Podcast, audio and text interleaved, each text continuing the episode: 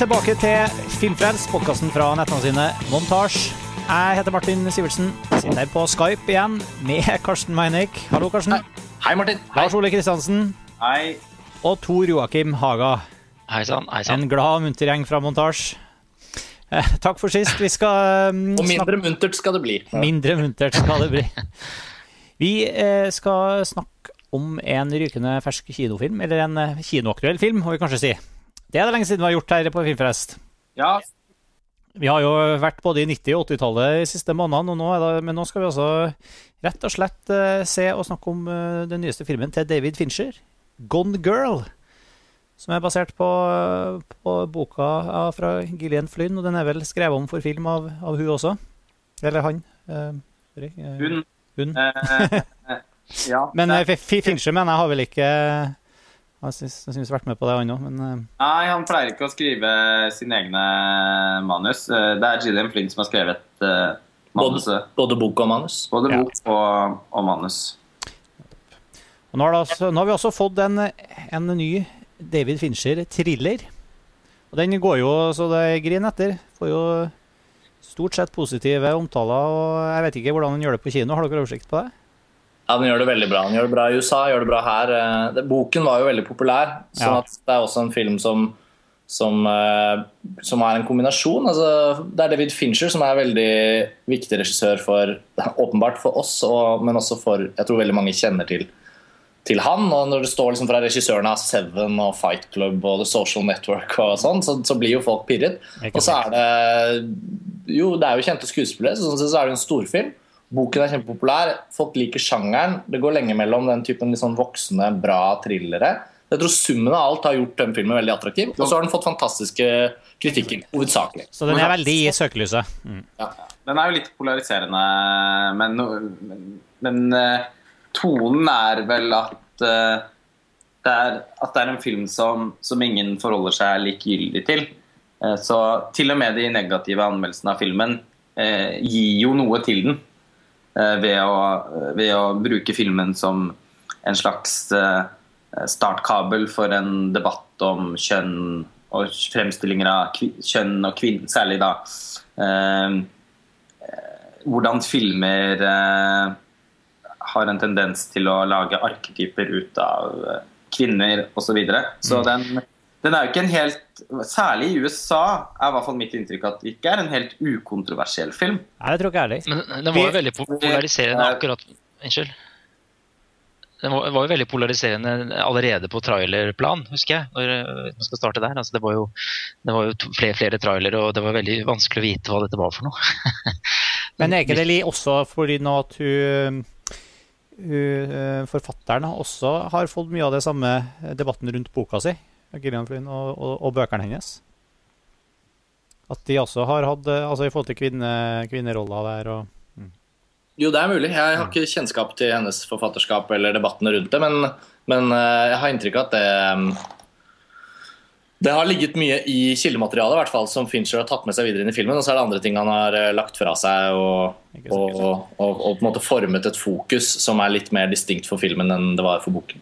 Vi skal i hvert fall fokusere først og fremst på, på filmen, og vi har jo snakka litt om at bare skal si rett med en gang at uh, sannsynligvis kommer vi til å snakke om Gone Girl på en måte som gjør at vi kommer til å avsløre litt av handlinga. Så det er en sånn spoiler-warning her med en gang hvis du ikke har sett filmen, eller så ikke hør på podkasten. Hør, se filmen først, eller eh, selvfølgelig hør på podkasten hvis du syns det er helt greit og at vi kanskje røper en og annen plott-twist. Jeg tenker jeg går litt lenger enn deg og sier at eh, jeg syns ingen som ikke har sett filmen, burde høre videre, fordi dette er en veldig eh, spennende film å oppdage mens man ser filmen. Ja, Det er liksom kategorien. Ikke at det er så sinnssykt store overraskelser, men den har liksom Den bretter ting ut på en måte som, som jeg i hvert fall syns var spennende å oppdage i kinosalen. Andre filmer så gjør det ikke så mye å, å vite det eller det liksom på forhånd. Og det er jo en spenningsfilm. Det er jo en thriller med, med twister. Så det så våre har, har sett filmen når de hører på det. Ja, det, og det er på en måte en film som ikke er mulig å snakke om uten å røpe tvisten. Eh, Og det er jo litt derfor Den ene av tvistene, men det er jo eh, Filmen tar jo en helomvending etter ca. en time. Ja. Som, eh, som man er nødt til å snakke om hvis man skal snakke om filmen. Så alle, alle som har, ikke har sett filmen, må eh, virkelig skru av denne podkasten. Fordi alle må se filmen. Eh, så eh, Merker du hvordan det gikk fra din forsiktige advarsel, Martin? men, men, men, men dette har noe med markedsføringsmaterialet å gjøre òg, da. Man merket jo den gang at det var liksom som om de ikke liksom fortalte helt filmen. Mm. Jeg rikket litt ved et par av trailerne og tenkte sånn "Ah, hva, hva blir dette, liksom? Men når jeg har sett filmen, så skjønner jeg jo litt at de har prøvd å unngå jeg tror David det har Fincher, gjort veldig David, lurt i det. jeg leste et intervju at David Fincher hadde kontraktfestet at filmstudioet ikke fikk lov til å bruke noe fra filmen etter et visst punkt i handlingen i markedsføringsmaterialet. Det er godt poeng. Det. Mm. Ja. Men anyway, så da er det sagt, så kan vi heller Nå kan vi jo liksom ta filmen for Når, oss. når det er sagt, hvis man har lest, uh, hvis man har lest boken da, og ikke sett filmen, ennå, så kan man selvfølgelig Ja. lytte med den aller største ro. Og det er jo ganske mange som har lest boken. Jeg tror jo dette panelet her kanskje er under gjennomsnittet orientert i krimlitteratur. Uh, så for de som, som har en større appetitt på, på, på krimbøker, så har man mest sannsynligvis lest boken. For den er jo, har jo vært en bestselger som har vært veldig sånn framtredende de siste par årene. I- Apropos det som ble nevnt her i stad, så har jo også hun Gillian Flynn Boken har også vært eh, noe omdiskutert. Hun har vært, eh, noe det har vært noen anklager om noe misogynt ved, ved innholdet i boken også. Ikke sant? Så det er ikke bare Finchers eh, tilnærming som, eh, som, skaper, eh, som har skapt den type debatt, men det kan vi snakke mer om, mer om siden. da. Men det er jo, eh, den er basert på en av de siste par årenes mest, mest populære bøker.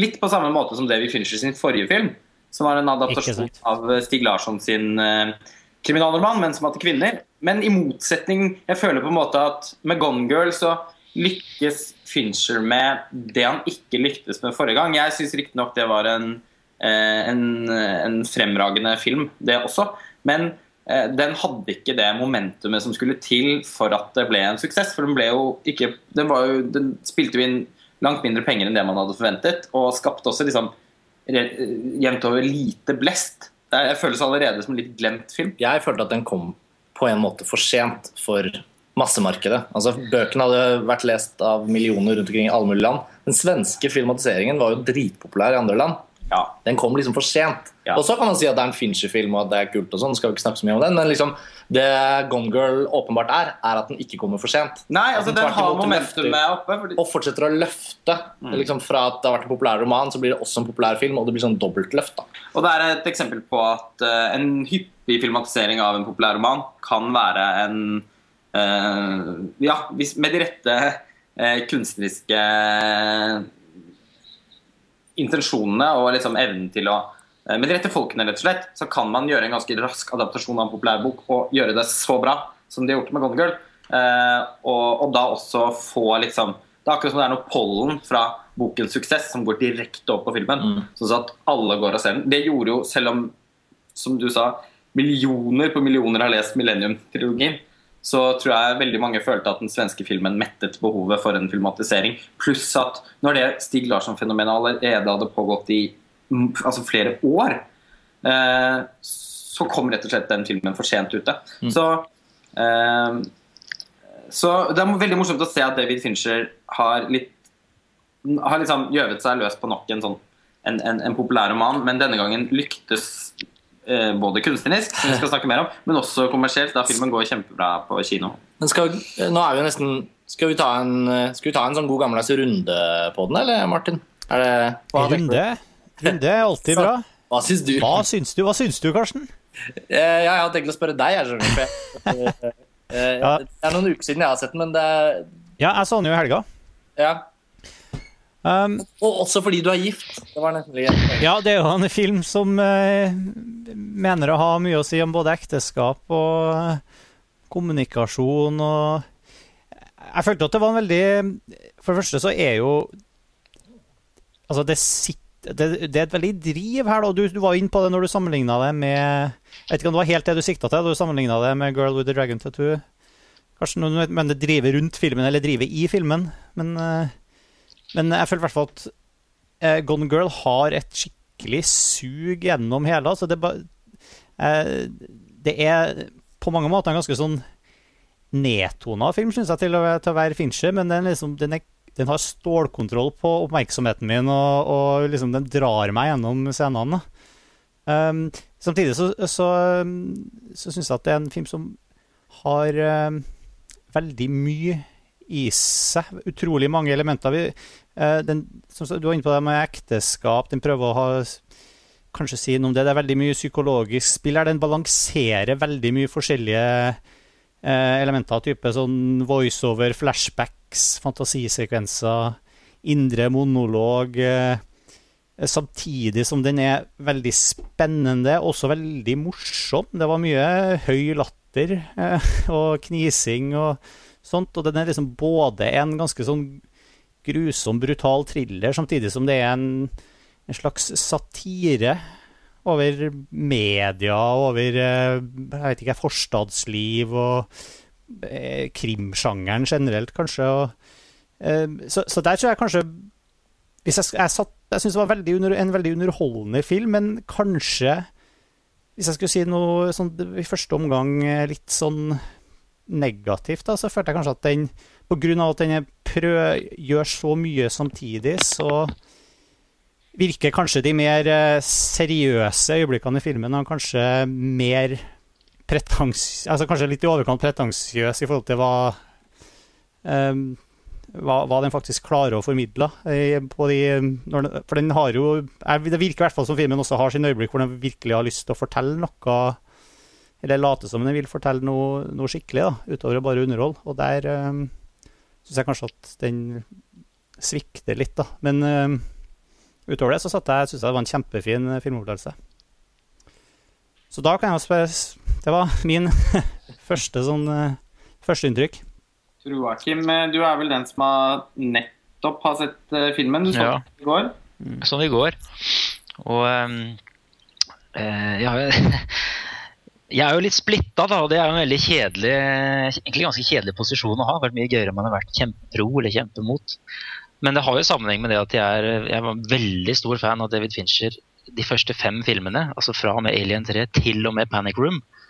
Det er den Fincher jeg elsker. hvor han metter alt med supervisualitet og det andre. Fra og med The Zodiac, eh, eller Zodiac så er, jeg ikke så stor fan, faktisk. Det går kanskje litt imot eh, folk her. Eh, jeg syns jo alle filmene han har gjort siden den gang, det er jo fem, det også, er, det er veldig mye dialog, og det er, det er, veldig litterær dialog. Det er veldig sånn smart, sånn smart dialog, da. Og det mm, syns jeg ofte har litt, gått litt på bekostning av, av, uttrykket fra de fem første filmene. Og det gjelder litt i Gone Girl òg. Spesielt kanskje dialogen mellom Ben Affleck og hun uh, Han husker jeg jo ikke hva skuespilleren heter, da. Pike. Hæ? Rosamund Pike. Rosamund Pike, ja. Uh, og Jeg skjønner at den er ment å, å konstrueres litt litterært, fordi begge to er, er forfattere og, og kan formulere seg sånn, men, men den, den, den, ja, jeg er ikke sånn veldig fan av det.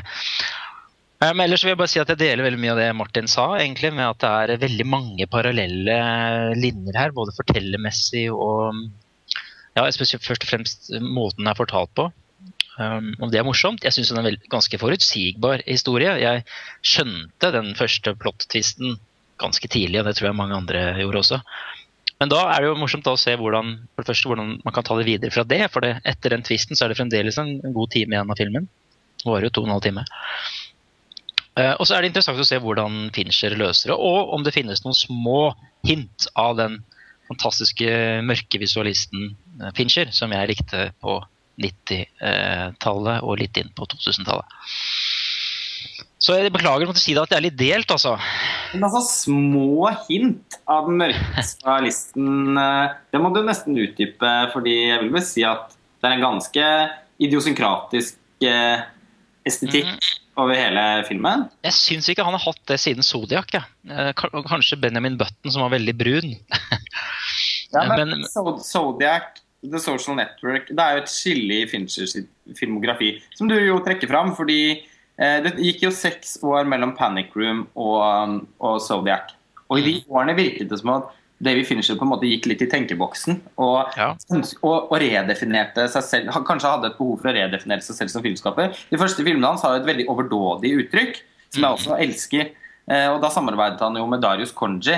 Eh, og, og, det var jo i de årene rett etter at han hadde var, rett etter perioden hvor han hadde blitt eh, oppdaget som en eh, fotograf på, på liksom eh, Gjennom sitt samarbeid med Jean-Pierre Genet og Marc Carot.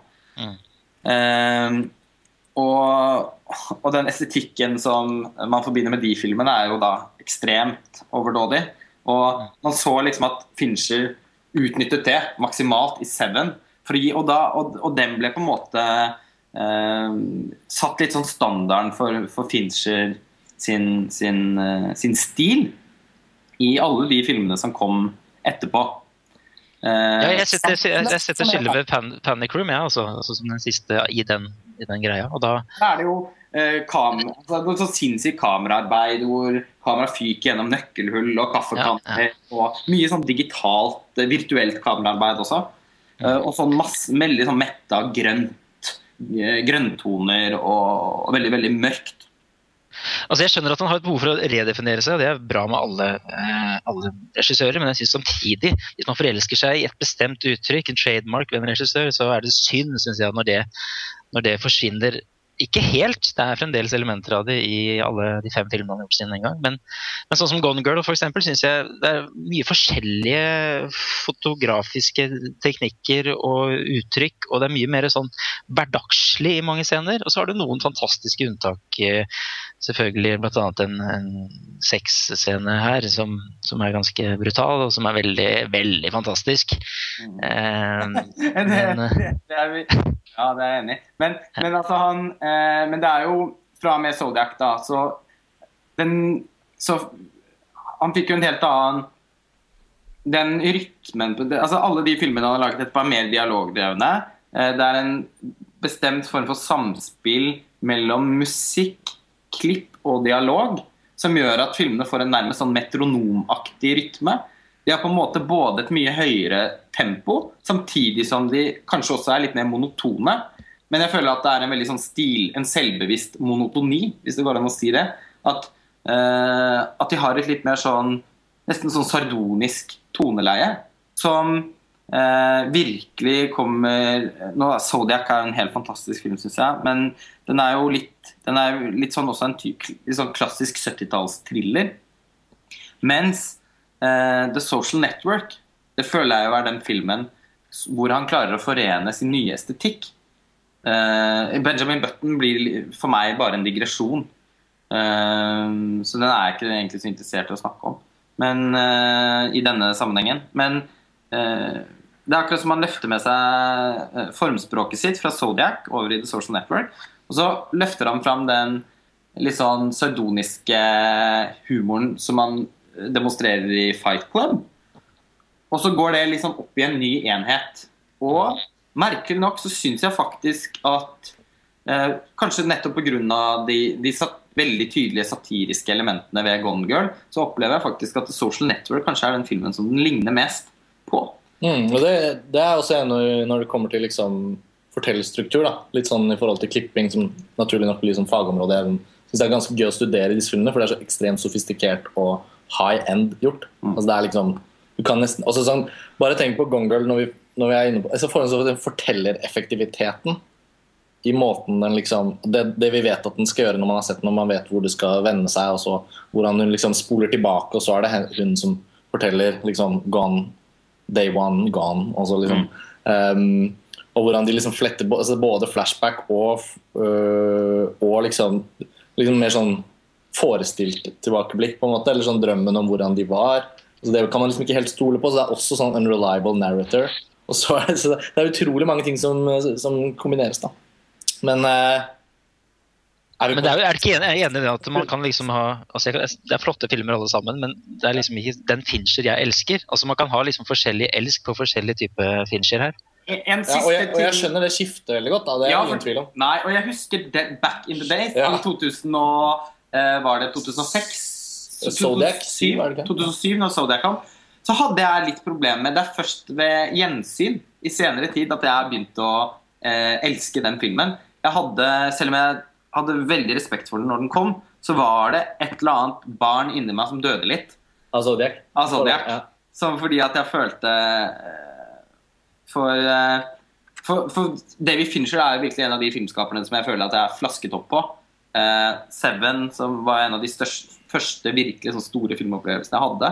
Så, eh, og, og, det evige håpet om at han skulle lage noe som var mest mulig likt den igjen. Og så, eh, når det da Og etter Seven så lagde han jo ikke noen seriemorderfilmer før eller, eller sånn thriller, rendyrkede thrillere på den måten. Panic Room er selvfølgelig en thriller, men det er mer sånn Hitchcocksk thriller. Men en seriemorderthriller, da, som Seven er, og en av de mest sånn ikoniske i sitt slag, det Jeg husker liksom at når, det begynte å komme nyheter på internett om Zodiac og hva den skulle handle om, og Zodiac Killer, og så tenkte jeg bare å herregud, nå blir det, nå blir det en ny Seven. Og så var det noe helt annet. Eh, og så, har, og, så jeg skjønner veldig godt den Jeg skjønner veldig godt at, at, uh, at, at, man kan ha to forskjellige forhold til Fincher. I, altså på en måte å dyrke den Fincher sin første fase som filmskaper, og, samt, og være litt mer sånn avmålt til den andre. Eller motsatt, for den saks skyld. Ja, eller motsatt. Ja, det er også mulig. Ja, det er mange som også syns at uh, de tidligere filmene hans er litt daterte og overgjorte. og Eh, poen, poenget mitt her er jo at Gone Girl er en naturlig forlengelse av dette. så jeg, jeg, jeg, savner liksom enda litt mer av gamle Fincher, gjerne i en litt sånn ny vri. Helt ok, men altså at det er enda mer helhetlig uttrykk. Da. For jeg syns ingen av de filmene han har gjort siden Zodiac har vært til, til og med ikke Zodiac.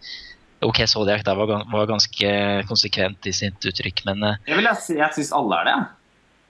Jeg syns de er litt all over the place. Det er mye sånn hverdagslys. Uh, jeg, jeg, skjønner veldig godt hva du mener, Joakim. Jeg, jeg er helt enig. Det er mulig at vi ikke ser At jeg ikke ser nok til å kunne liksom, se, se forbi hverdagsligheten. Eh, men eh, Nei, altså- jeg, jeg, jeg, er veldig enig i det du sier, Joakim. Jeg, jeg lengter også tilbake til faktisk helt tilbake til Alien 3. Ja, det er min, det er min favoritt av, av han. En av tider, men altså... Tilbake til en tid før Fincher lagde filmer. Da han lagde bare musikk Nei, ja, de Madonna-musikkvideoene. Ja, Nei, men altså eh, ja, Jo, men altså, nå må jeg liksom Nå må jeg få lyst til å protestere litt, da, fordi jeg syns jo at disse filmene har et Det er sjeldent jeg ser faktisk eh, Hollywood-filmer som har så, en så konsekvent stil som disse siste Fincher-filmene. Jeg syns jo nesten han har blitt mer konsekvent. Eh, kontra Fight Club, f.eks. Som, som er mer all over the place stilistisk sett, syns jeg. Eh, og som har noen, til og med noen sekvenser som er men er, men er, det kanskje da at det er kanskje ikke konsekvens eh, vi snakker om nå, tror jeg? Kanskje er det setting? Og, og, lys, og lyssetting? Ja, lyssetting. Og ja. Det, er, det, er, det wagnerianske Stormondrang eh, gotiske universet som er borte. Han ja, det Grand Guinol-aktige i Seven f.eks., det er jo ikke å se lenger. Bortsett fra i den ene sekvensen da, som er så fantastisk, eh, hvor øh, denne se såkalte sexscenen Uh, som vi nok skal ja. snakke mer om. Men, uh, jeg, men jeg syns jo disse filmene, inkludert Gone Girl og Social Network og Girl with Dragon Tattoo og Zodiac, har en uh, De er alle veldig preget av en sånn gulbrun lyssetting. Veldig mye mørke. Som, som, jo man også forbinder med gamle Fincher.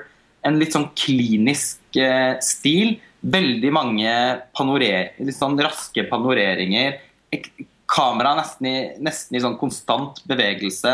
Jeg, jeg, jeg syns jo og, og, klipper måten liksom Gjort både gjennom litt sånn snappy eh, dialog i høyt tempo, kombinasjon mellom det og, og, og tempo i klippen og Trent Reznor og Atticus Ross sin musikk, eh, som da i hvert fall gjelder de tre siste filmene. For meg er det et usedvanlig liksom, homogent uttrykk. Okay. Ja, nei, det er ikke det for meg. Altså, for meg er det litt all over the place. Men jeg, har, jeg, har jo, jeg syns jo alle de siste filmene er gode filmer i seg selv. Men, men det er det Fincher-aspektet som jeg elsket og forelsket meg i på 90-tallet, som jeg ikke, ikke ser. Og når jeg tenker på, på, på, filmene sånn som Social Network eller Gone Girl, så er det masse forskjellige morsomme ting. Men, men den helhetlige universet, fiksjonsuniverset, visuelle fiksjonsuniverset, det sitter ikke dessverre så sterkt i som de tidlige filmene for min del. Så, og det bærer litt preg da at jeg er så delt også på, på disse filmene. Men det er jo, og det er utvilsomt vil jo det gjøre samtalen vår om filmen mer interessant. Så uh, selv om vi liksom ikke blir enige om det, så ser jeg poenget, og det skifter veldig tydelig. Men en ting jeg bare syns er viktig å avklare, er at jeg syns ikke disse nye filmene er noe mindre helhetlige, men uttrykkets, uh, uttrykkets uttrykk, hvis man kan si det sånn. Mm -hmm. Hvordan de ser ut, det har jo skiftet veldig. Og hans, hans Finchers interesse virker å ha skiftet. Altså Han er ikke på samme måten opptatt av det sånn stofflig uh, liksom umiddelbare ved uttrykket, men han har, gjort, han har liksom beveget seg over i en mer sånn klinisk stil hvor det mindre synlige ved et filmatisk uttrykk betyr uh, minst like mye for han. Han har lagt Mye Ja, altså- dialog. Og Ja, veldig, det, er altså, jo, men det, det som ikke du kan liksom peke på, ta et skjermbilde av og si sånn Se på dette, det er helt utrolig. Uh, For skjermbilder av noen av disse nye Fincher-filmene tatt ut av sammenheng ser jo ikke like fete ut på en måte som et skjermbilde fra Seven. fra Seven, si det sånn. Men f.eks. rent sånn montasjemessig og også liksom i forhold til hvordan sekvenser påvirker hverandre. Eh, kombinasjonen av det soniske uttrykket, både liksom musikk som går mer over til å være lyddesign, dialog som både er meningsbærende, men også er rytmebærende og som gir en egen altså sånn Mark Zuckerbergs rollefigur i The Social Network blir vel så mye liksom Uh, fleshed out og tredimensjonal ved at vi forstår han gjennom hans retoriske liksom, uttrykk. Liksom, formidlet gjennom dialog. Så det er mange sånne elementer av nye Fincher som ikke man har i det gamle. da. Ja, for det er nettopp, jeg, jeg tenker at jeg har veldig stor forståelse for uh, at man foretrekker det ene uttrykket framfor det andre. Men, jeg, men jeg synes er, Nettopp. Det jeg er synes, for meg er det feil å si at det ikke er helhetlig. Da, fordi de, På de siste filmene så har hun også jobbet med faste samarbeidspartnere eh, på, en tett, eh, på en annen måte enn tidligere. Før så brukte han jo både forskjellige fotografer. var innom både I tillegg til Darius Konji så var han jo både innom Alex Thompson på, på Alien 3 og Jordan Cronwett, som nå er Eller eh, ikke Jordan Cronwett, men sønnen hans. Eh, Han som han er tilbake med nå. ja, ah, som han har brukt på Ja. Bortsett fra Han var på Fight Club, i hvert fall. han var på Fight Club, og han eh, Jeff Cronenworth. Jeff Cronwett, eh, og har vært på de tre siste filmene til Fincher også. Mm. Eh, han, de, han har nå også hatt samme komponist Mm. alle de tre siste filmene sine. Samme klippere. Eh, tidligere så jobbet han jo også med forskjellige komponister. Howard Shore på én film. Eh, nå husker jeg ikke hva han heter, han som har komponert musikken i Altså Elia Goldthal selvfølgelig på Alien 3. Altså, sånn, jeg føler at snarere at uh, han har blitt liksom eh, mer og mer konsekvent på og mer og mer sånn Kanskje tilsynelatende mindre sånn spektakulært særegen, men eh, med et uhyre liksom, konsekvent uttrykk. Men, altså, men, altså, ja. kons- men eh, bare det- En annen åpenbar ting er jo selvfølgelig at Vi brukte ordet hverdagslige litt tidligere, men altså at, at han lager jo filmer om mye mer ordinære ting nå.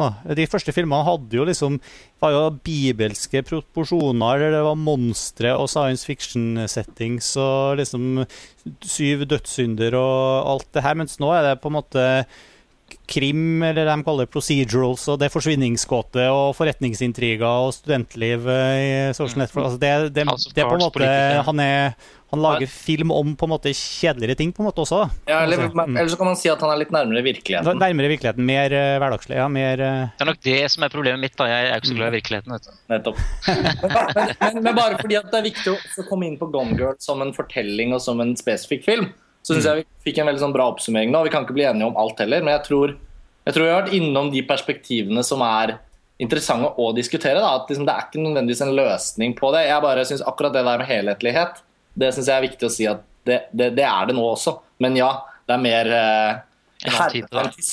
ordinært, da. Ja, det ja fordi det, det er mer klinisk eh, og, og mindre sånn eh, Ja, mindre åpenbart spektakulært enn det var før. Men Ja. det er jo tydeligvis at David Fincher som musikk Altså, han, han begynte jo sin karriere som musikkvideoregissør og ble jo snappet opp til å regissere Alien 3 fordi at han var den hotteste musikkvideoregissøren en periode, som lagde en gigamusikkvideo for Michael Jackson og Madonna og, og flere andre òg.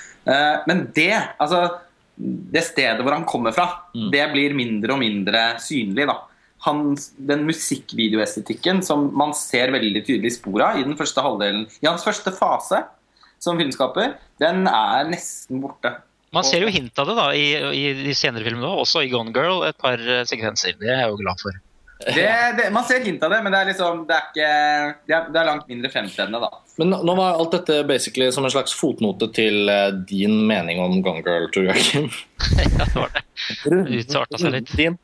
Men, eh, men det høres jo ut som du på en måte har satt, satt pris på filmen isolert sett sammenlignet med andre filmer, men at den i, i Finchers øvr, som du har forklart, Ja.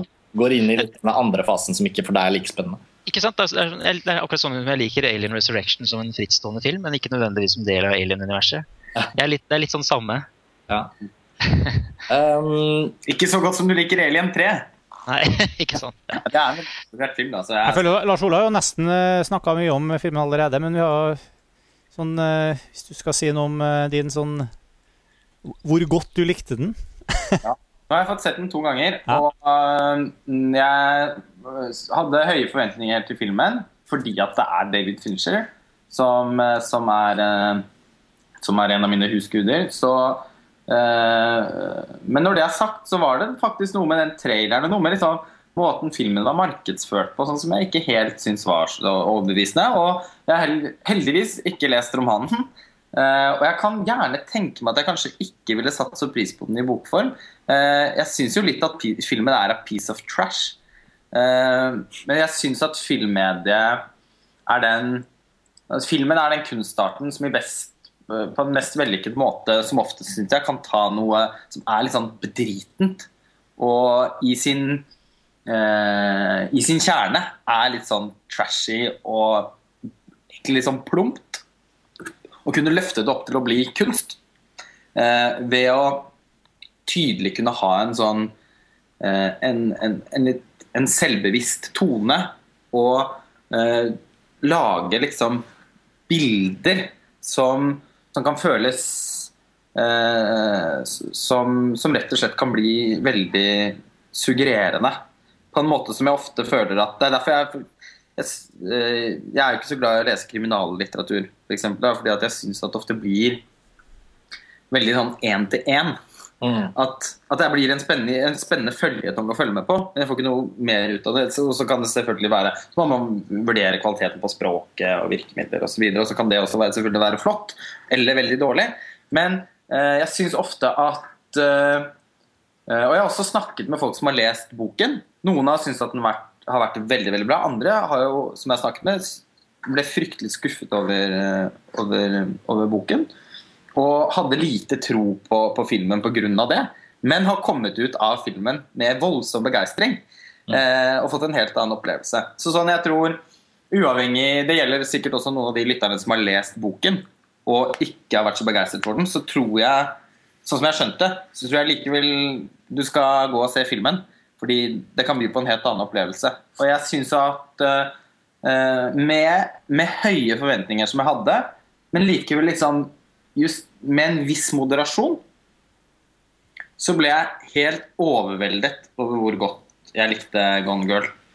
Og når jeg fikk sett den en gang til, så ble jeg like overveldet over hvor bra jeg syns den er. Og hvor vellykket jeg syns Davy Fincher sitt prosjekt er med denne filmen. Fordi det er eh, Den er jo først og fremst, opplever jeg i hvert fall, en satire.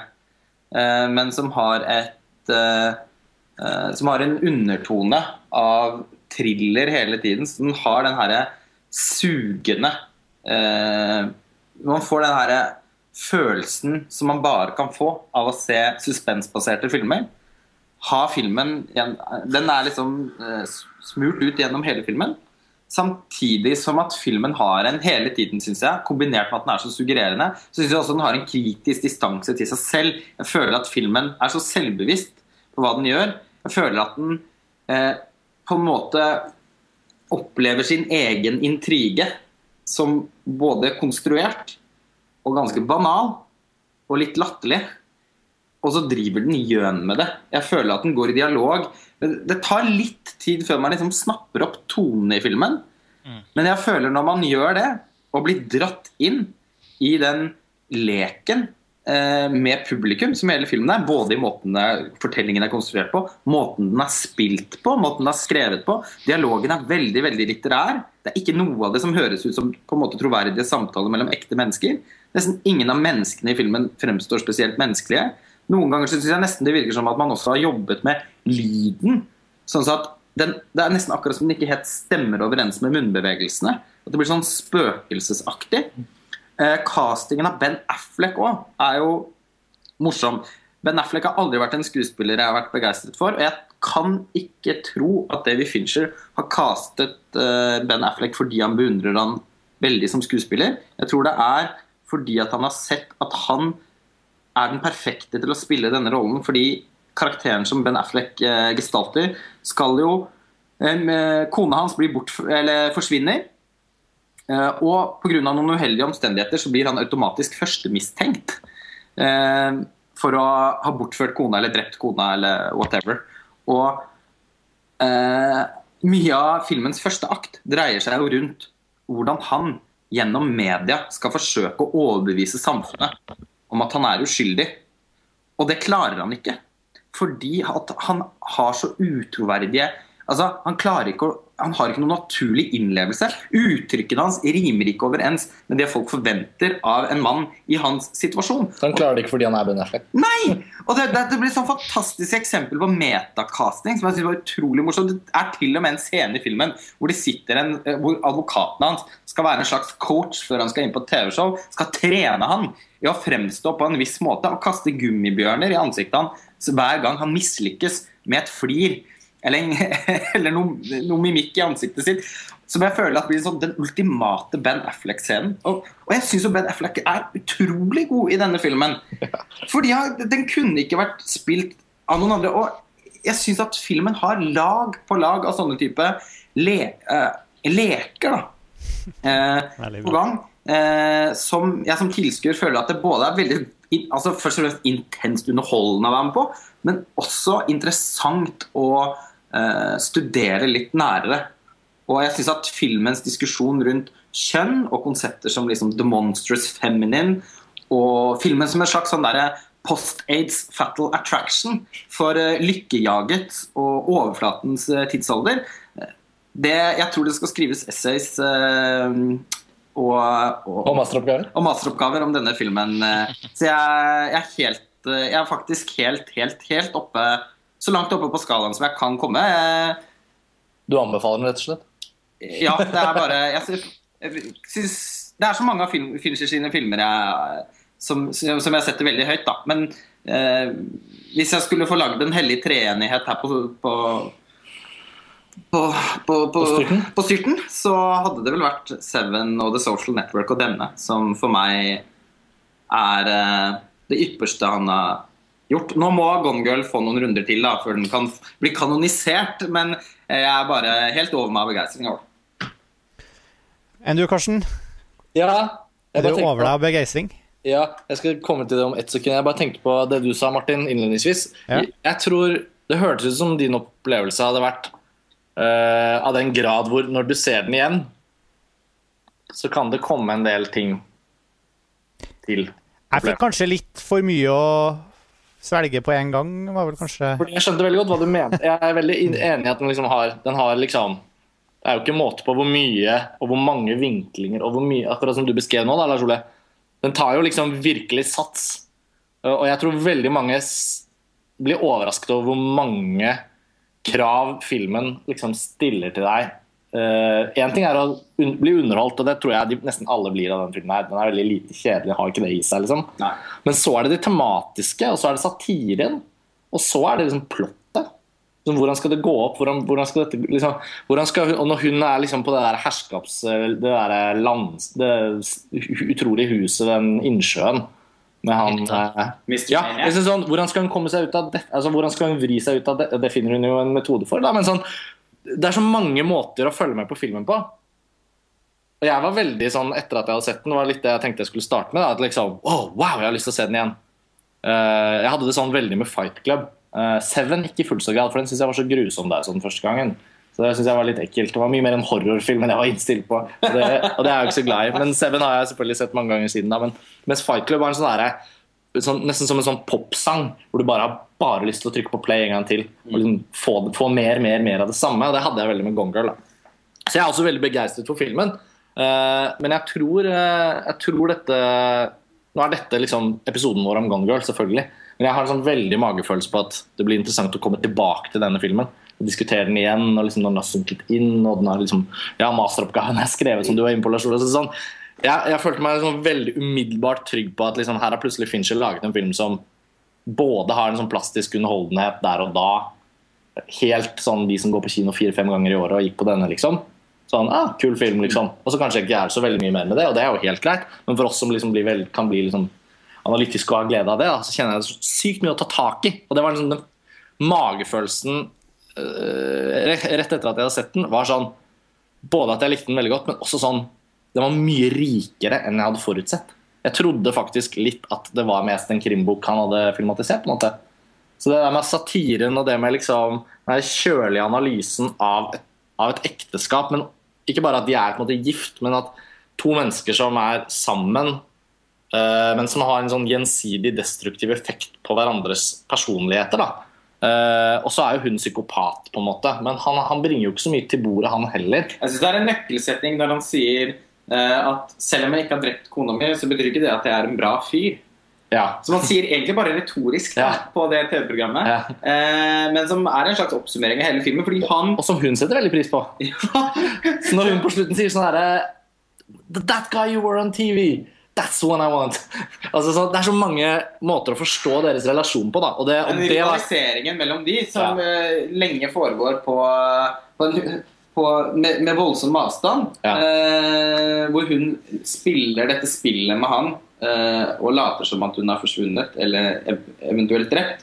Det viser seg jo etter en times tid at at hun, hun er iscenesetteren Ja. eh, av men eh, på en veldig omstendelig måte har iscenesatt uh, denne bortføringen. Det er jo spill på så mange, De spiller jo for hverandre og for alle bifigurene og for oss som publikum. og Det er jo spill på spill på spill på alle fronter her. Straff, Ja. Fordi at han ikke har vært den mannen som hun uh, Han har ikke vært en mann uh, som har tilpasset seg liksom, hennes bilde. Uh, og, og vice versa, egentlig. Altså den replikken, nå husker jeg den ikke ordrett, du kanskje husker det, Lars Ole, men det var en replikk som fikk fantastisk mye latter, og som jeg syns var altså, så drepende morsom. Det var vel når, når han sier at uh, at han skal være en At han må være en mann. Eller mannen må gjøre sånn og sånn for å bli Nei, faen, nå husker jeg det ikke altså, ordrett. Men det er, fall, det er noen av de replikkene som reflekterer og ikke minst sånn bitende satirisk tar tak i hva et forhold på en måte et moderne forhold da, mellom en mann og en kvinne på denne liksom klassisk forhold som dette er. Vi lever jo også en tid med veldig mange progressive forhold på tvers og hit og dit, og gammel og ung og mann og mann og mann, kvinne og kvinne. Det er liksom ikke måte på hvor mange ting man kan, man kan være i et forhold, men disse er jo et klassisk sånn mann, kvinne, gift. Ja, og, Eh, og, og, og, når det kommer opp liksom i loopen, når liksom plottet også liksom fremprovoserer analyser av det, og Ben Affleck ofte litt sånn der, what the fuck, eh, begynner å liksom være litt sånn morsom. Altså, eh, det er så mange ting der, eh, og det er vel det, for å bare oppsummere sånn, for å avslutte denne runden, da, selv om vi bare glir over i forskjellige tråder, så vil jeg jo si at det var den, sånn, den, den mer sånn akutte gleden over Gone Girl for meg, var sånn at det ikke var liksom en liten god morgen-yoghurt til frokost jeg fikk, men jeg fikk liksom fuckings måltid med forrett og etterrett og mellomretter og vinglass og desserter, og det var så mye. Og da kjente jeg meg litt igjen i det, det du sa, Martin, selv om jeg ikke hadde noe problem med det. så, så er det jo litt sånn at du, filmen ikke helt lar deg liksom fordøye elementene mens du ser den. og derfor tror jeg også veldig mange, inkludert noen veldig sånn oppegående kritikere, kan eh, bli så eh, bevisst på en måte Både bli så fanget, men også samtidig såpass kritisk bevisste på dens eh, underholdningsverdi. At man lett kan liksom Ja, den nye filmen til David Fincher er veldig underholdende og vellaget, men den har vel ikke så mye substans. Eller. Ja, jeg, vil, jeg, jeg vil nødig sette meg i eh, kategorien oppegående kritiker, men det var nesten det var, men, men altså den, Ja, men Nå altså, fikk, det- nå fikk du Lars Ole-nålen i siden.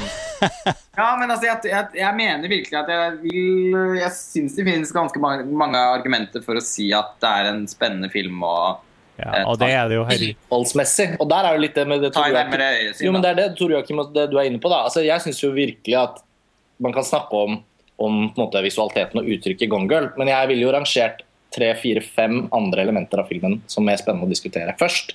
Uh, og Da regner jeg klippingen ikke som en sånn direkte visuell del, men mer som en sånn strukturell del av hvordan filmen Men, eh, men jeg, jeg tror det er lettere å kunne diskutere Gone Girl også, nettopp pga. alle disse, disse elementene. Jeg liker jo filmer som tar seg selv blodig seriøst. Og, og jeg, jeg, jeg har ikke noe humor, jeg er en veldig seriøs mann.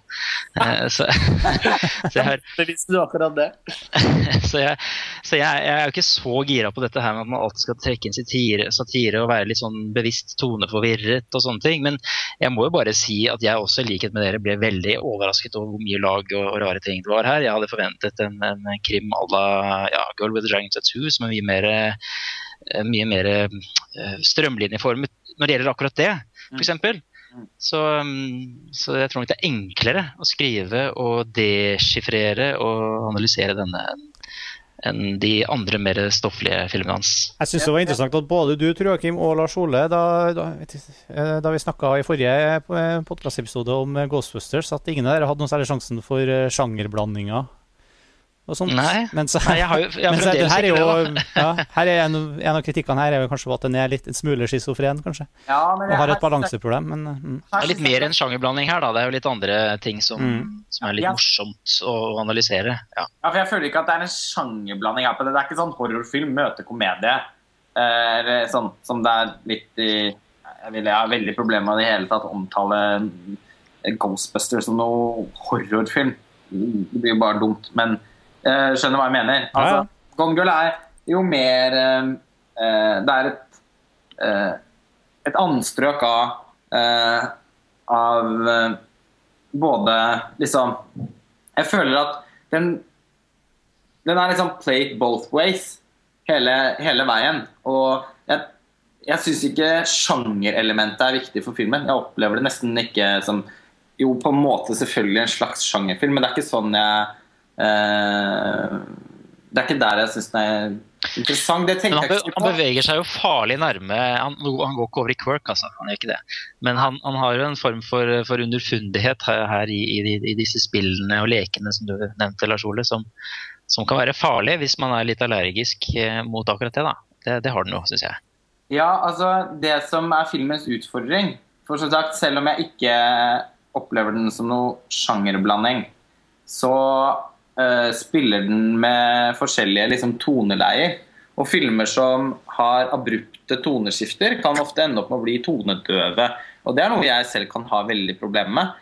Uh, men jeg syns jo det er eh, mesterlig løst da i denne filmen. Jeg syns jo jeg syns ikke satire Jeg syns ikke humor. Jeg syns filmen er til tider ganske hysterisk morsom. Eh, Det eneste er hun fra Mad TV som, som, som jeg syns var litt overkill. altså Hun som er nyhetsoppleser. Hun er vel fra Mad TV, tror jeg. Den, Den TV-komiserien. For den er, så, den er så voldsomt karikert at det, det Ja. Det, det er ikke satire over Fox News engang, for det er liksom bare way beyond. det blir nesten sånn David Lynch-aktig. Uh, men uh, uten at det, jeg syns det, det fungerte veldig fint. Ja, jeg synes Det var det elementet i filmen som var mest ja, dette, altså dette er liksom så konstruert humor da, av, av alle, alle tingene. Ja, jeg, jeg er litt uenig i det. Jeg følte liksom at, uh, jeg følte liksom at det som var morsomt, uh, kunne komme når som helst. Det var ikke sånn at jeg følte nå er vi inne i en bit som er spesifikt morsom. Nei, jeg syns det var, lå Eh, parallelt hele tiden. Og ja. det at det, satiren ikke liksom tar luven av spenningen, og motsatt, det syns jeg er veldig Veldig godt løst. i Jeg synes det er bra, bra at den kan være spennende og samtidig forutsigbar i historien. og Det er jo Finchers eh, store fortjeneste her. Ehm, ikke sant? At det, man, man kan godt vite hva tvisten er, men det er veldig spennende å se hvordan han er løser og bygger seg opp. Jeg føler at den er forutsigbar på den måten at den tar tak i veldig velkjente arketyper. Og litt sånn filmhistorisk belastede arketyper. Særlig denne kvinnefiguren. Den monstrøse kvinnen som man har sett i veldig mye Sånn War of the Roses. eh, Ikke sant? Altså den. Ja, jeg tenker på Fatal Attraction, ikke minst. Som filmen har veldig mye til felles med. Og veldig mange andre filmer også, som, som den feministiske filmteorien åpenbart har, har eh, kastet seg over. Og med rette også eh, hatt, en, hatt et kritisk blikk på. Men jeg syns jo ofte jeg synes alltid disse arketypene, kjønnsarketypene er veldig interessante. Da. Jeg syns som regel også filmer som eh, kan diskutere de på en smart måte som regel har noe for seg, og ikke blir misogyne, da, som noen har anklaget denne filmen for å være. Jeg syns jo nettopp at måten Jeg syns jo filmen viser en eh, like stor forakt for begge kjønn, og, og jeg syns at kanskje eh, I den graden man kan si at filmen har noe hjerte For den er også litt gripende. sånn på et følelsesmessig plan. Selv om Fincher kan være ganske iskald, så, så ble jeg faktisk også relativt beveget av den. Jeg, og det henger litt sammen med eh, Selv om alt dette også er veldig karikert framstilt, så syns jeg Amy's, Amy Dunn, som hun heter eh, Jeg syns nok hennes bakgrunn er eh, ganske essensiell. Eh, For, foreldrenes eh, bruk av henne. Sånn. ja, ja. det at hun er vokst opp med å være en eh, barnebokfigur. Eh, Amazing Amy. Det er så morsomt i seg selv. Det. Ja, og som liksom Og Amazing Amy har jo et amazing liv. Uh, sånn som man får inntrykk av, i hvert fall uten at vi får anledningen til å lese disse bøkene, så, så gir filmen inntrykk av at, uh, at, at Amy liksom er en, sånn, en perfekt rollemodell. Da, og at hun i sitt liv har hatt veldig problemer med å leve opp til den forestillingen. Og, og at hun har blitt en sånn slags form for, form for kjendis gjennom å være den, denne Fordi foreldrene som er barnebokforfattere, har gått ut og liksom fort- er helt åpent sagt at den er basert på datteren deres liv, men så virker det liksom det er basert på livet hennes. Det er snarere litt sånn at det virker som at de lager en sånn idealversjon av datteren deres i bokform. Som nødvendigvis vil skape en eller annen slags forstyrrelse for henne og hennes selvbilde. Og den perfeksjonen som hun liksom er flasket opp til å måtte leve opp til, den føler at hun drar med seg inn i dette ekteskapet når hun finner den kjekke mannen som representerer alt det hun har drømt om eller forestilt seg, eller blitt eh, eh, lullet inn i at en mann skal være for noe. Og så er han ikke den mannen, for han sitter på sofaen og han spiller PC-spill og han bestiller pizza.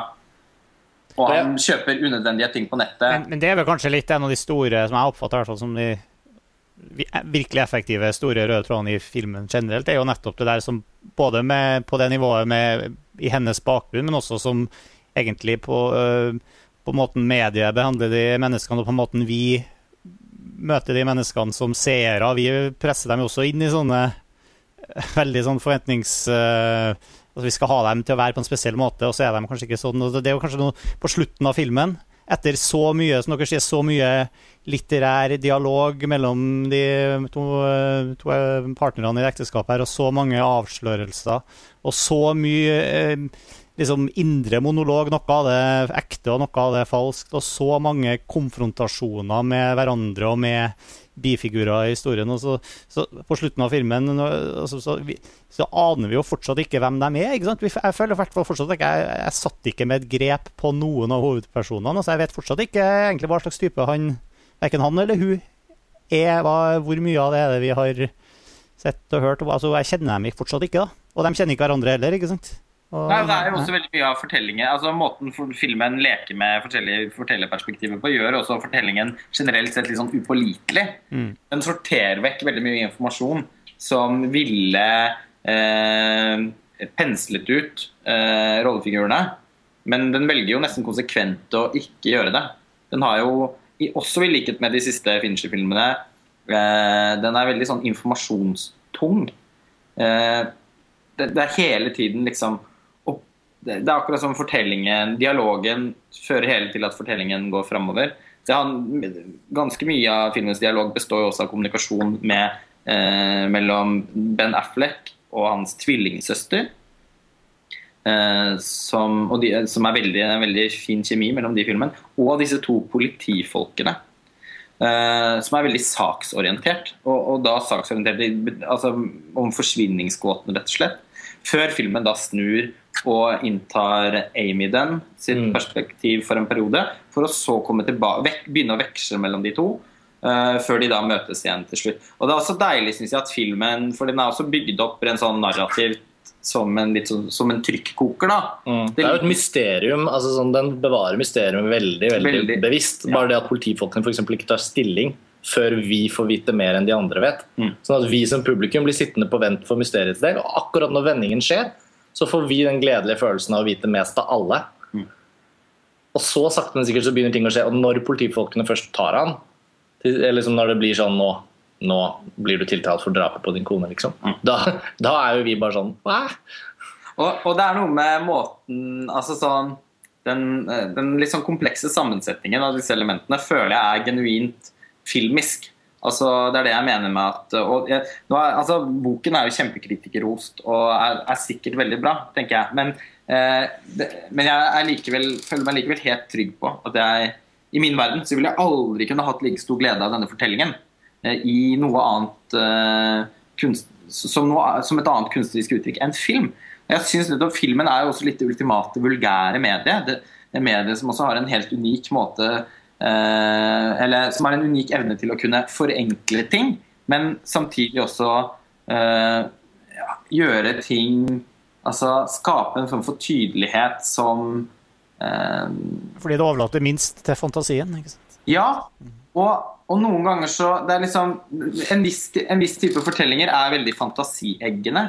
Denne fortellingen er til dels det, men den er samtidig også veldig eh, Man vil også ha bildene på en måte. Man vil, altså de, måten eh, Bare å se disse den mediasatiren, f.eks., som er så essensiell i fortellingen, den er problemet med å se eh, bli gjort på en, eh, på en like eh, på en like effektiv måte i noe annet enn film. da, fordi eh, det å se disse mm. TV-sendingene og se disse eh, overflatiske oppsynene på menneskene i filmen Eh, de, så Se Colgate-gliset til eh, Ben Affleck foran plakaten av hans døde, eller antatt døde, forsvunne kone. Det ja, ja. ja, det er et bilde. Mm, og det er vanskelig, det er vanskelig, å få det til å bli rik tekst. Jeg synes Et annet eksempel på bare dette med å, dette med å tenke på liksom, filmens klipping da, eller struktur som rent filmisk. Nå var du akkurat inne på det. Sånn, F.eks. mediekritikken, det med TV. Det er jo påtagelig og veldig kult å, å se at David Fincher tar rollefigurene til dette TV-programmet. Han blir forberedt med disse gummibjørnene. Det er ikke måte på liksom hvor mye vi får ladet opp av det. Klipp. Ja, så, så, får vi ikke se det engang. Klipp til bilen. You did great. That was amazing. You really rocked them. Og da blir jo vi sånn Da skulle vi jo få se, men så har vi ikke fått se det. Men så har vi på en måte forestillingen om så danner vi da ekstrabilder inni hodet. Da. Så den her blandingen og de små ellipsene Og så får man se det. Får se det. Når man da får se det, så får man ladet altså, Den der klokskapen og sånn vidunderlige sånn, sånn fortellerkompleksiteten i å liksom spille på vår sånn her skal dere få se dette, dere får vite så mye. Nå vet dere mest. Og så, dere får ikke se dette. Nå får dere se det mye senere. Og så lades det med da hennes perspektiv. Og det er bare sånn Og så er det disse, pakket av sånne ting. disse bildene jeg snakker om, da, som jeg, og det er så åpenbart, det høres jo kjempeanalt ut. Det er bilder i en film. Derfor er det fantastisk. Men eh, det er vanskelig å få artikulert hva jeg egentlig mener. Men det handler om at liksom det bildet, Når hun da tar og så kutter strupen på han eh, Mr. Maniac ja. Som blir... Hva heter han rollefiguren? Han som spilles av Neil Patrick Harris. Ja. Som, uh, Dr. Må... Doogie Houser. Ja, det er Doogie. Ja. Som på en måte tar henne til fange i dette åndssvake huset med alle overvåkningskameraene. Hvor hun igjen iscenesetter en situasjon som gjør at hun kan slippe unna med det. Den fantastiske sexscenen hvor hun da eller begynner som en slags, slags sexscene, før hun da uh, kutter strupen hans, og blodet og musikken som bare ja, Det er sånn, det er jo David, David Fincher i litt gammelt modus. Jeg regner med at det er den sekvensen du tenkte på i stad, Tor Joakim? Tor Joakim? Hallo. Tor Joakim. Han har kanskje ramlet Nei, han hm. Nei, OK. Ja. okay. Uh, det, det, var nok helt sikkert det han tenkte på. Ja, jeg regner med at det er den han tenkte på. Uh, det bildet der, det, som jeg også Det må jeg si, den hadde jeg ikke sett eller jeg, jeg, visste jo at hun kom til å jeg, jeg, så den jo på en måte komme fordi hun forberedte seg, men likevel eh, Ettersom filmen er såpass tilbakeholden på det rent sånn grafiske, da, mm. så opplevde jeg jo den scenen som genuint sjokkerende. Eh, det gjorde hele salen. Vi så den sammen første gang i New York. Ja. Og hele salen reagerte jo med en sånn ja. Når den scenen kommer. Og, og det, filmen har liksom også da holdt det thrillermotivene, da. Ja. De klassiske thrillermotivene. Bare Veldig... vold også. Det er jo ikke ja, vært det særlig sånn voldsutgytelse i det. Ikke det hele tatt. Den holder jo det så tilbake, men når det da smeller, så smeller det jo så voldsomt. Mm. Eller spruter. Eller spruter så voldsomt. Og scenen også da hvor hun kommer hjem igjen rett etterpå og, og, legger seg i og, og, han holder henne, mens alle mediefolkene står som en pieta mm. eh, foran gårdsplassen der. Så er, det er noen bilder om, som, som, jeg opplever at eh, er fra vår tid, og som gjør filmen Selv om filmen har litt sånn evige diskusjoner om kjønnsroller og ekteskap og eh, osv., så, videre, så syns jeg liksom at eh, den føles så ekstremt kontemporær på en måte som gjør at jeg tror uh, at, at, filmen kan, kan, bli stående som en, som en betydelig film. Da. Den slekter jo ikke lent lite på Basic Instinct, selvfølgelig, denne sexscenen, og kanskje andre aspekter ved filmen òg, egentlig. Men, ja, er, altså Basic Instinct er ikke en uh, UFN-referanse. Men det er en mye mindre komplisert og kompleks Men der uh, kommer ikke det som det, det sjokket når den scenen kommer, for det, du vet, det vet du jo fra før du har satt på filmen at den kommer. den har jo ikke noe, den har jo ikke noe Basic Instinct har ikke noe forhold til samfunnet. Den, altså sånn, nei, nei, nei, den er på en måte bare som en sånn Mer som en pastisj. Eh, ja, en frittstående fiksjon, liksom. Og den er jo en av de Ferhøfen-filmene som kanskje har minst egentlig sånne subversive elementer i seg. Ja. Eh, men eh, Ferhøfen i det hele tatt altså hans, må, hans, Det han er kjent for, er jo en litt sånn tilsvarende lek med publikum, da, som man ser i, i Gone Girl. Så akkurat Verhoeven er ikke noe sånn um, det er på en måte en relevant uh, referanse, syns jeg. Til, mm. Jeg vet ikke, i hvert fall akkurat den scenen syns jeg hadde visse likhetstrekk. Ja, ja, ja. Og så, for øvrig så er jo også Fincher litt på liksom Brian De Palmas banehalvdel med denne filmen. Og mange har trukket inn Stanley Kubrick og Ice Wide Shut i forhold til selve sånn, den litt sånn kliniske ekteskapsanalysen Um, så Jeg ville til, og med, til og med, ville til og med dratt så langt at uh, Antichrist er også en, eh, ja, en relevant Ja, og jeg, og jeg synes jo hele Nå skal vi ikke gå inn på den, da. Vi har jo en melankolsk film. Jo, men altså, jeg tenker nå vi har vi, Fordi vi også har litt om begrenset tid på denne episoden, så kan vi ikke ta hele den sånn langt, langt sånn filmhistoriske analysen av sånne ekteskapsfilmer, eller sånn relasjons... Men sånn fra liksom Kramer versus Kramer i en ende av skalaen, da til uh, Antichrist i på en måte en annen ende av skalaen. Gone Girl og Ice Wide Shut i litt sånn to forskjellige steder på midten. Det fins liksom mange American Beauty. American Beauty det også er en referanse. Men, dette er også litt David Fincher sin uh, skildring av småbylivet. Ja. Med denne The Bar ja. som, ja. og, og nab naboene Hun derre nabo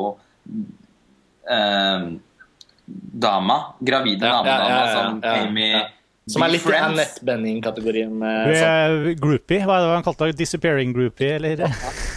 ja. Nei, det var, det var, ikke hun, det var en annen dame som fikk det stempelet, men uh, Morsomt var det, ja.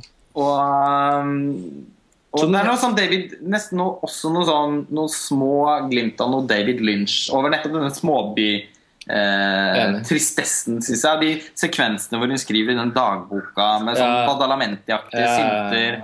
Eh, og noe rosaskjær i Nei, ja, det sånn, og I det store og det hele så, så Gone Girl skriver seg på mange måter inn i en veldig veldig rik og spennende tradisjon som ikke er så lett å få til på film, men når det først er bra, så er det veldig bra. Da. Og det, eh, Hvis vi er litt, litt, i gang med en oppsummering òg, kan vi også bare informere om at rent sånn, av tekniske årsaker har vi mistet Tor Joakim på dette tidspunktet. Men jeg tror Tor Joakim er tilbake nå. Oh, ja. Er du tilbake, Tor Joakim? Nei, vi har mista Tor Joakim, så det er enda grunn til at vi må oppsummere litt og, og runde av. ja. Et ghostbuster. Uh, men jo, for oppsummeringens uh, skyld så, så syns jeg også at nå har vi jo sagt underveis hele tiden at Gongirl er såpass spennende at vi kommer ikke til å avslutte nevnlige samtalen. Det blir sikkert noen uh, artikler og det blir sikkert noe vi kommer til å grave videre i denne filmen tror jeg, på montasje. Og ikke minst, ikke minst når opp, året skal oppsummeres og sånn. Men dette med den altså rikheten av innfallsvinkler til å liksom nyte den.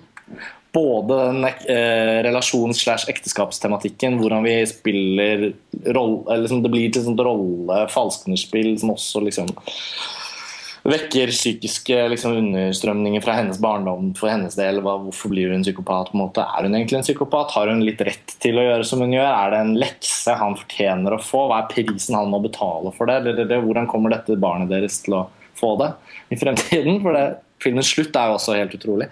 Men så dette som en thriller og en spenningsmysterie. Liksom, hva er egentlig greia? Underholdningsaspektet. Så liksom Finchers liksom nedtonede visualitet, som har kanskje forflyttet seg litt til andre filmnarrative områder. Altså kanskje, kanskje, musikken og lyden og klippingen liksom, er hakket mer spennende enn liksom, bildene som lyssatte liksom, motiver i seg selv. Jeg vet ikke, jeg bare opplever Gone Girl som helhet som en sånn Ja, jeg føler det er liksom det er Pandoras eske i positiv forstand. da.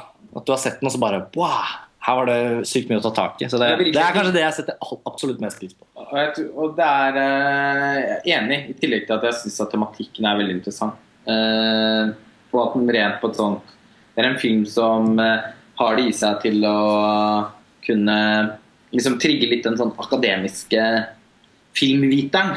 I og med Ja. at få blir veldig sulten av denne filmen, og det er alltid en, en, en kvalitet jeg setter særlig høyt. Men Eh, det, det jeg synes også På mer sånn generelt plan så syns jeg bare at eh, det er et eh, eksempel på en film som veldig få kunne laget så sofistikert eh, som det er gjort. David Fincher er virkelig Altså, den er jo skapt for han. Eh, og, han, og, han, og, og han er skapt for, for denne typen film. Eh, og den han nå føler jeg virkelig at han, han er eh, Vi har snakket om at David Fincher har vært foreløpig i to faser. Eh, Jeg håper, jeg håper på en måte han holder seg i denne fasen en stund til, for jeg syns det er så fornøyelig å se Jeg syns det prosjektet som det virker som han holder på med nå, er så interessant. Men om, om det så også skulle ta slutt, hvis han nå tar seg en liten pause og og pønsker ut en litt annen type tilnærming eh, til sitt neste prosjekt, så føler jeg også at Gone Girl er den perfekte oppsummeringen av den Den- fasen han har vært i. Ja, den perioden. Mm. Den er, den er på en måte både den eh, den har, den har den her oppnøstingsdramaturgien som både er i Zodiac, i The Social Network, faktisk, og The Girl with the Dragon Tattoo, samtidig som den har eh, som den har den eh, satiren som man både finner i Fight Club og eh, Men da fra denne andre fasen work. Eh, og at den Jeg føler på en måte også at filmen er nesten så langt som man kan komme i det han, i det han holder på med nå. Hallo? Ja. Der kom på og Fikk fant du mute på skarpen din? Er du inne i andre fase i denne podkasten? Ja, ja, nei, jeg bare kom for å si ja, Beklager, det var noen tekniske issues. Ja. Du, du kom faktisk akkurat tidsnok til å si ha det, Tor Joakim, for vi er nødt til å runde av nå. Fått med det. Ja, men, eh, og, og det, altså det jeg egentlig skulle si, da, var jo at den, Man snakker ofte om David Fincher som en perfeksjonist. Og en som tar, tar tagning på tagning på tagning for å liksom slipe ned skuespillet sånn at det akkurat er sånn som han ønsker det. Eh, og som jobber utrolig liksom eh, Som er veldig, veldig detaljorientert i sin filmskaping. Eh, og jeg tenker at i den grad man kan si at ja, generelt problemet med den merkelappen perfekt, også fordi jeg syns ikke det å være perfekt i seg selv er et tegn på nødvendigvis tegn på kvalitet. Eh, Det er ting som kan være til, veldig perfekt, men også helt utrolig sjelløst eller uinteressant. Men mm, Gone Girl syns jeg det vil jeg faktisk tenke på som en, som en, som en sjeldent perfekt eh, film. Som jeg også syns er utrolig spennende. Da. Men er, jeg har veldig problemer med å se hvordan man skulle løst denne filmen på en bedre måte. Og så kan man eh, selvfølgelig ha eh, i, i ulik grad la seg begeistre eller ikke begeistre av, av materialet. Og, men, eh, men måten filmen er gjort på, syns jeg er eh, en imponerende regibragd. Mm. Jeg er enig. Syns det var en god oppsummering. Yes. Men da sier jeg takk for laget, folkens. Ja, Og takk for en eh, skikkelig kul eh, filmdiskusjon. Jeg gleder meg i likhet med dere til å se Gone Girl en gang til. Det var godt at det var litt uenighet her, da, selv om Ja. det kom mye, mye Ja, eufori på slutten her. Og det er jo interessant, uh, Tor Joakim, at David Fincher har dette litt sånn tydelige skillet i filmografien sitt. Så, um, så den det, det, det du savner, er det jo ikke noe vanskelig å, å forstå. Liksom. Jeg føler ikke at eh, det du savner i filmene som han har laget nylig, er jo på en måte Ja, det er jo ikke der. Han har liksom tatt en annen retning. Og, så ja, nei, Det er fint å komme inn på det òg. Det ble jo nesten litt en Fincher-podkast. Ja, det gjorde jo, ja, det gjorde jo lenge det. Eh, Men- og, eh, og det var ikke og sånn, Jeg sitter jo da og, og gnåler om, eh, om, om hvor bra jeg syns det er. Men eh, oppsummeringen for podkasten sin del er jo faktisk at vi har hatt eh, litt forskjellige meninger om, om filmen. Og mitt inntrykk er jo også at den har vekket eh, litt forskjellige meninger. Både hos folk og hos, Og hos eh, kritikere. Så kom gjerne med ytterligere perspektiver, eh, folkens, i kommentarfeltet og sånn. Det, det skal bli gøy å følge med på. Mm. Gjør det. Ja, Filmfrelst er tilbake om ikke for så altfor lenge, håper vi. Vi snakkes. Yes. Ha det. Ha det.